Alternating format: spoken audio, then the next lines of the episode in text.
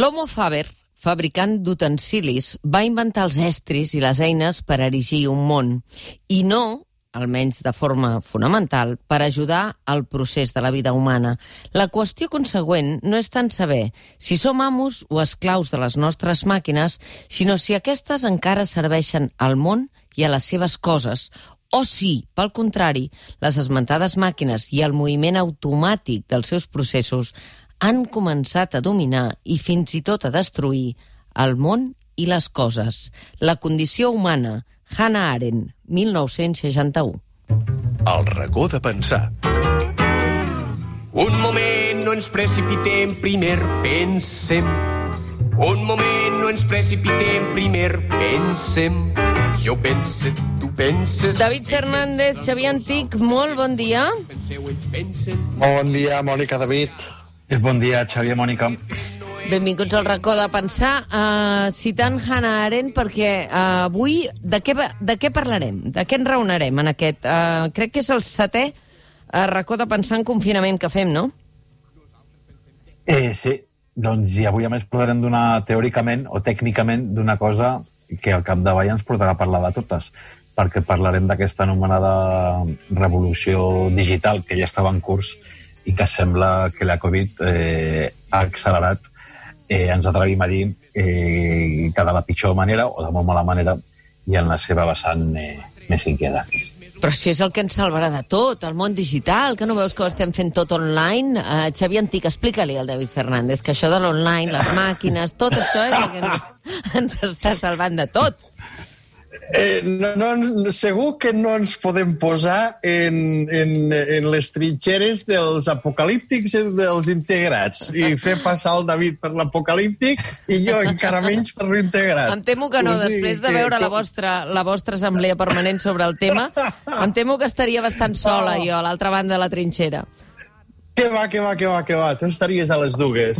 La qüestió és que si les coses es deixen de mirar en blanc o negre, no? les coses apareixen com segurament més complexes del que a primera vista podria semblar, no? Mm. I a primera vista, efectivament, el que ens sembla és que, mm, perquè efectivament també és així, que la tecnologia ens està permetent, d'alguna manera, en aquestes setmanes tan terribles, de mantenir mm, eh, no només algunes formes de treball, sinó fins i tot algunes formes de contacte, mm, o fins i tot fer un programa de ràdio com ara, no? Exacte. I, per si no, en que, principi- què faria jo sense vosaltres totes aquestes setmanes? Ah, i, i nosaltres sense tu, Mònica. Però, eh, d'alguna manera, a, aquesta, jo crec, caramable no?, de la tecnologia eh, amb la qual, eh, en primera instància, jo crec que qualsevol de les persones que ens escolta s'hi pot trobar, eh, manifesta també que potser no és tot tan blanc, sinó que potser cal veure que també en té ombres, eh? que entenc que és una mica el que suggeria el David.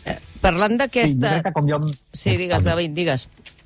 No, no, anava a dir que, que justament, eh, eh, aprofitant les paraules del Xavi, ni una cosa ni l'altra, és a dir, ni tecnofòbia, anem a dir-ho així, ni tecnolatria. Mm. I com hi ha un programa que tracta molts tabús eh, a TV3 amb molta sensibilitat, crec que avui també parlarem d'això, de, de totes les dimensions d'aquesta revolució eh, digital que, que sembla que ha arribat per quedar-s'hi. El problema és com eh, i a quin preu.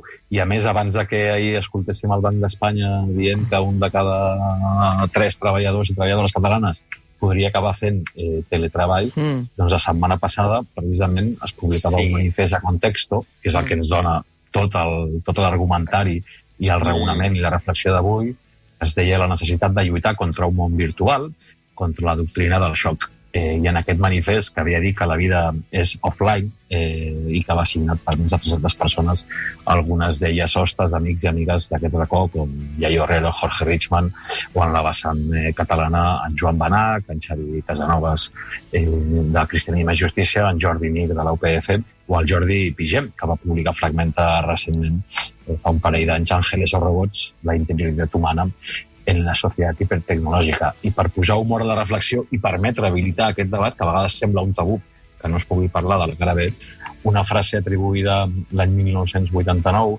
a Christian Wilson, directiu de Nintendo, real eh, o, apò o apòcrifa. està publicada en 1989, eh, dius, David Fernández? 1989, sí. Subratllo, quasi, quasi bàsicament. 1984, però no, no va ser 1984, va ser 1989, i va dir Si els videojocs influïssin en els joves, en uns anys estaríem tots en habitacions fosques, sota llums intermitents, prenent pastilles i escoltant música electrònica repetitiva. Veus? Veus? Si sempre ha estat bé tenir visionaris.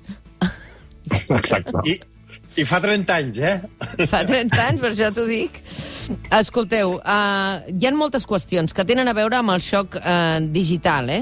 Uh, per on voleu començar? Perquè el manifest en parla de moltíssims aspectes uh, diversos, de tot el que ens està passant, de on trobem solucions sense mirar realment quina, a on ens portaran. Per on voleu començar?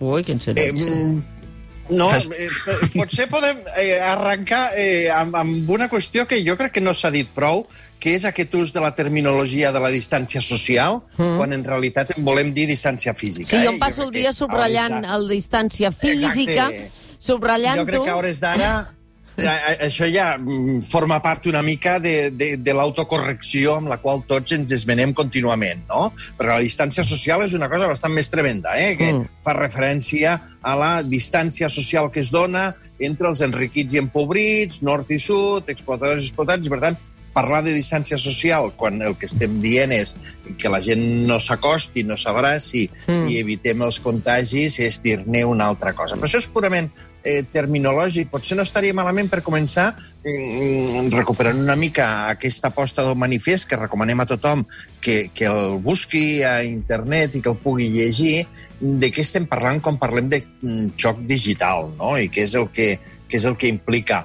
El, el manifest ho planteja en uns termes jo crec que molt clars, no? quan diuen que eh, el xoc digital és mm, això que s'ha produït quan la crisi sanitària ha estat l'oportunitat perfecta per Mm. reforçar la nostra dependència de les eines informàtiques no? i per desenvolupar molt més encara del que ja ho estaven projectes econòmics, socials, laborals i polítics que ja existien, no? Mm, com la docència virtual, el teletreball massiu, la salut digital, l'internet de les coses, etc etc. no? Una mica tot això que jo crec que eh, està marcant no res abstracte, sinó la modificació concreta de la vida quotidiana de milions de persones durant aquests dies, no? Però, Jo crec que, efectivament, mm, ja estàvem en la revolució digital que tu deies, Mònica, al començament, Mm. i com aquests processos mm, s'han intensificat fins a uns extrems que efectivament permeten de pensar, o almenys ens haurien d'obligar a pensar, mm, si és veritat que tot el que produeix és un guany, Clar. o si justament a- això està afavorint una certa, d'una banda, dependència no? d'aquestes pantalles i de tots aquests eh, dispositius electrònics i, d'altra banda, un empobriment d'una altra mena d'experiència, no? I el problema, eh, David, eh, sempre que passa tot aquest procés eh, accelerat perquè tenim por en aquest moment, perquè el Covid és el que domina, etc etc,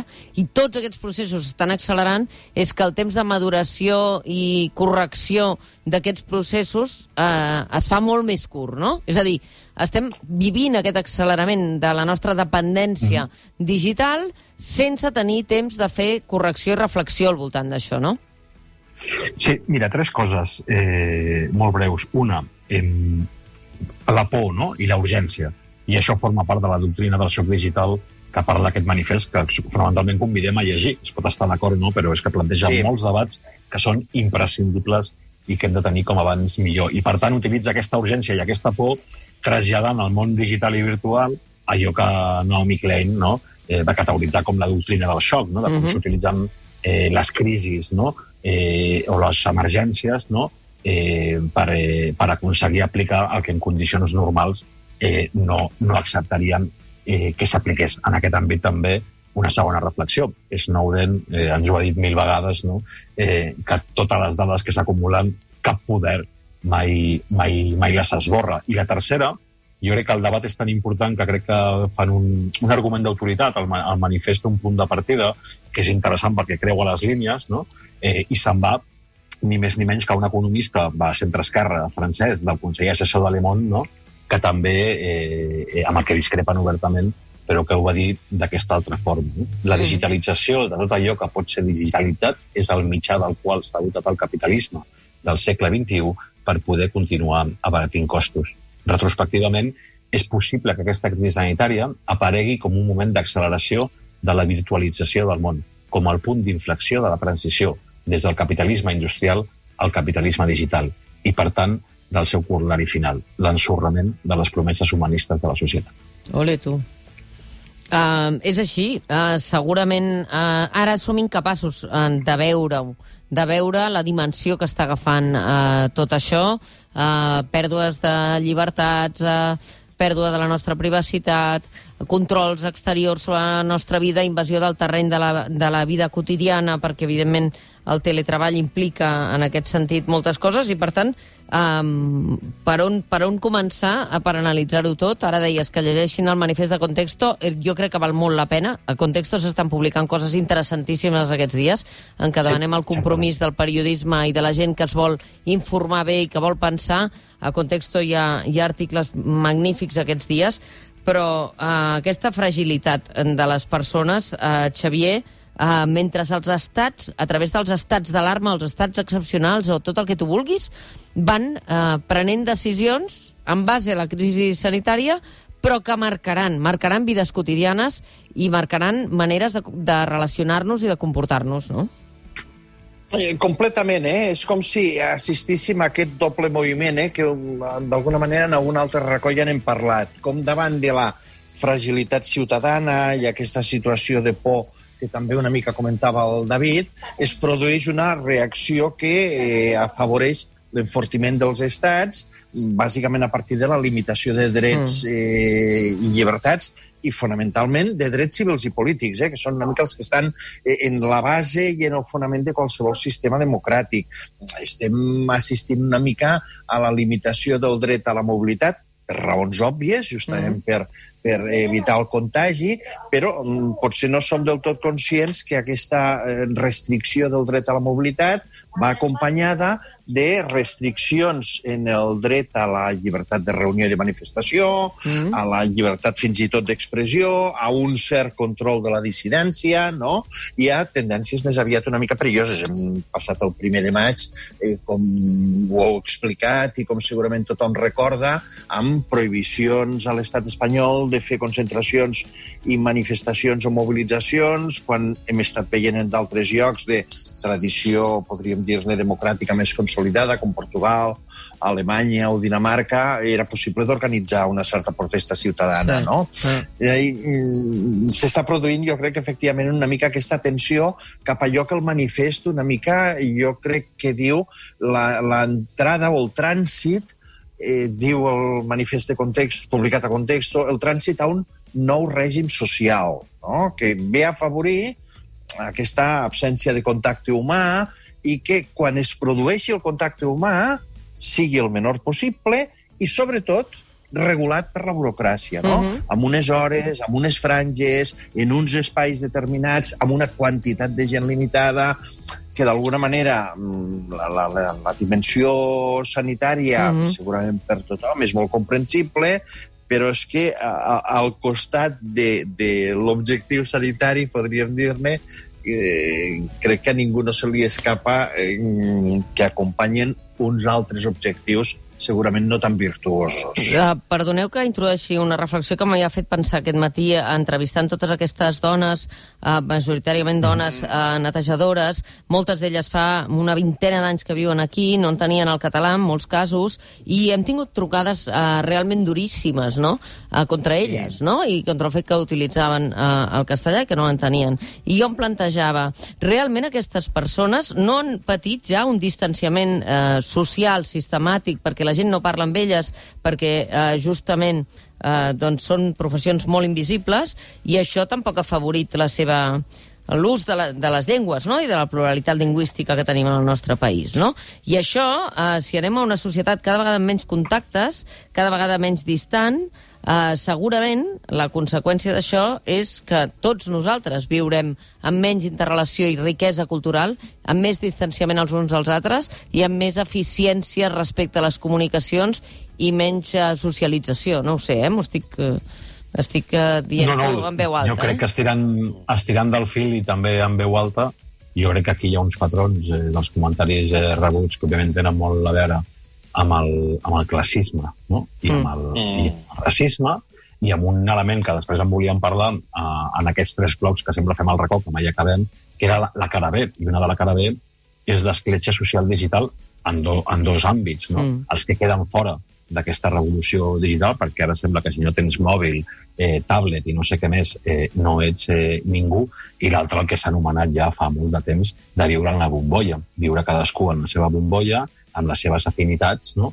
i per tant eh, a una major segregació eh, social, però el que comentes i els comentaris sé que està directament relacionat eh, amb això, no? també amb quina identitat eh, digital i virtual acabem, eh, acabem, acabem configurant. I també hi ha molts elements eh, eh, molt, molt perversos, la qual cosa les trucades que, que rebies aquest matí no són res més que un mirall del que no volem veure, no? De, Sí, sí. De, de, de com de complexa, segregada eh, i desigual és la nostra, és la nostra societat. A mi amb el castellà, com comprendreu, la meva llengua materna és el castellà, amb la qual cosa està bastant complicat que, que, que, no, eh, que no m'agradi, que no me l'estimi o que hi renunciï.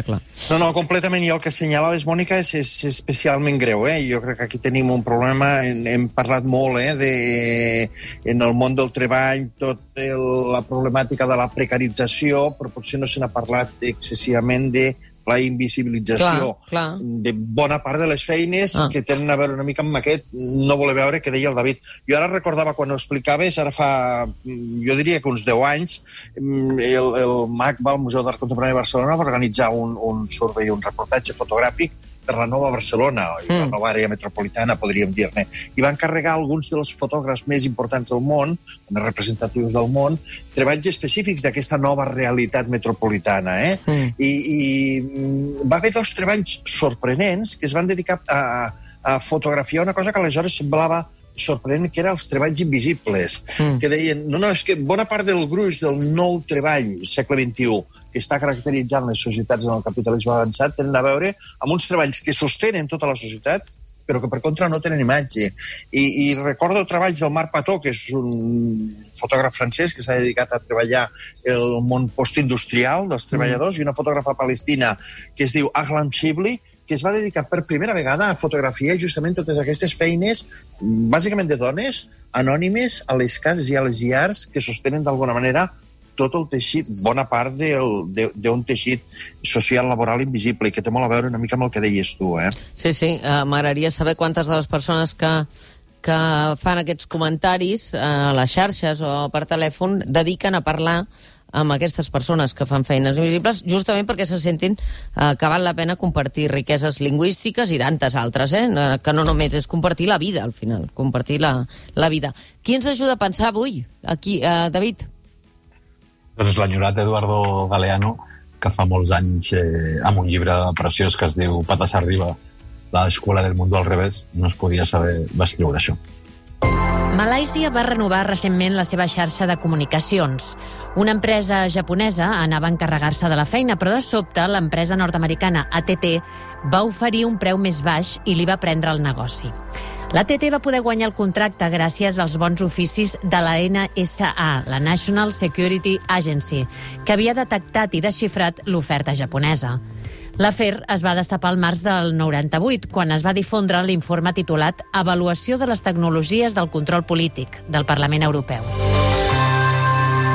Eduardo Galeano, Patas arriba, la escuela del mundo al revés, 1998. Ey sevda kuşanıp yollara düşen Bilesin bu yollar dağlar dolanır Yare ulaşmadan I seguretat renuncia a la pròpia vida. Al final aquest és el, el final del carrer d'aquest manifest i també de, de tot el que implica aquestes paraules de Galeano, no? el control, el control sistemàtic a tots els nivells, polític, social, quotidià...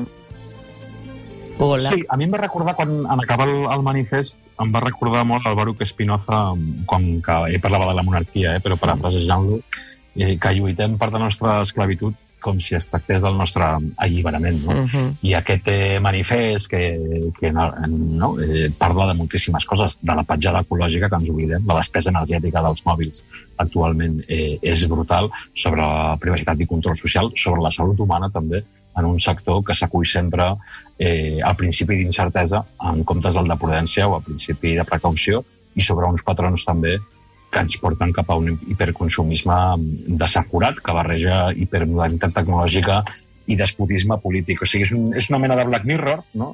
on es barreja una estranya barreja entre Silicon Valley i l'autoritarisme de la República Popular Xinesa. Però hi ha alguna alternativa digital democràtica? El Xavier Antic fa molt de temps escriure un article que deia l'únic temps anticapitalista realment és quan dormim, no? perquè, perquè no li poden extreure cap benefici, no? i no hi ha temps, més temps per, no? per antonomàcia, més anticapitalista que dormir, però no, no jo crec que eh, saber desconnectar, saber viure, no? i avui podríem parlar de molts llibres, alguns molt Va dir ell. No? Eh, va dir ell, des del respir, des del respir dels dies no? fins a un molt recent que és la societat del rendiment. No? i no entendre que, com s'utilitzen, no tant la tècnica, sinó com s'utilitzen aquestes tecnologies i en quins fins polítics i econòmics, jo crec que és la base no? eh, d'aquesta crítica que és dura i que és radical d'aquest eh, manifest, que ens farà dubtar de moltes coses, eh, d'altres està d'acord i d'altres eh, segurament discrepar. Però, Xavier, hem dedicat alguns racons a aquesta qüestió nosaltres, ja. Sí, algo justament aquesta reivindicació del dormir que deia el David, que pot semblar una mica peregrina, però que en el fons és una, una forma també de posar freno a la lògica de la productivitat com la lògica exclusiva de les nostres vides. No? Vam dedicar un al 2007, Mònica, segur que el recordes, sí. al llibre de Jonathan Crary, que es titulava 24-7, que era aquell llibre que eren, bueno, una mica el, el món al que anàvem, no? 24 hores al dia, set dies per setmana, eh, aquesta tendència del món desenvolupat en el que moltes institucions ja estaven funcionant de manera ininterrompuda i que semblava que el model social cap al que ens portava era justament el d'una vida així, en la qual el treball a casa fos sense desconnexió, en el qual no només les xarxes, sinó tots els lligams que ens eh, ubiquen eh, no? en, en aquestes eh, menes d'onades productives no es desconnectessin mai i justament potser és un magnífic retrat del que ens ha estat passant durant, o, o el que ens està passant encara en aquestes setmanes de, de mm. confinament, no? També n'havíem parlat amb tu d'això, David, als racons, quan els fèieu separats. Exacte. Vam parlar, vam parlar fa molt poquet, eh? quan, quan es va suspendre el És mòbil. veritat. En, amb aquell lema que tenia limitless, sense límit, doncs Mm. resulta que no, va ser una metàfora político-poètica de que tot té límits i a partir del llibre molt recomanable de la Marta Peirano de El enemigo con Tant. el sistema, perquè al final la reflexió de fons amb aquesta vida ininterrompuda 724 que ha deixat esmicolada aquell somni leveler igualador del 3 de 8, no? 8 de descans, Sí. sí. de treball, 8 d'oci, el que ens ve dir manifest és la, la tentació i el risc de que es pretengui accelerar tot allò que calia, que calia, que calia frenar. Estic sentint a Bella Ciao. Estàs sentint el Bella Ciao, que és com marxem avui, eh, i Sí. la veritat és que ho fem amb, amb dolor, perquè amb gent que ha marxat, amb gent que ha marxat, és, és, escoltarem la versió del grup Turkurt eh, Iorum. Dos dels seus membres han mort recentment després de pràcticament 300 dies de vaga de fam, Elin Bolek i Ibrahim Goksel, eh, que ens han deixat eh, en la lluita contra un altre autoritarisme, en aquest cas de tirania eh, d'Erdogan, acusats falsament eh, de terrorisme. L'enterrament de l'Ibrahim no es va poder fer al, al taüt i marxem recordant-nos dient-los allò que el poble que canta mai no mor. Bella Ciao del grup Iorum. Uh, gràcies, David Fernández i Xavier Antic.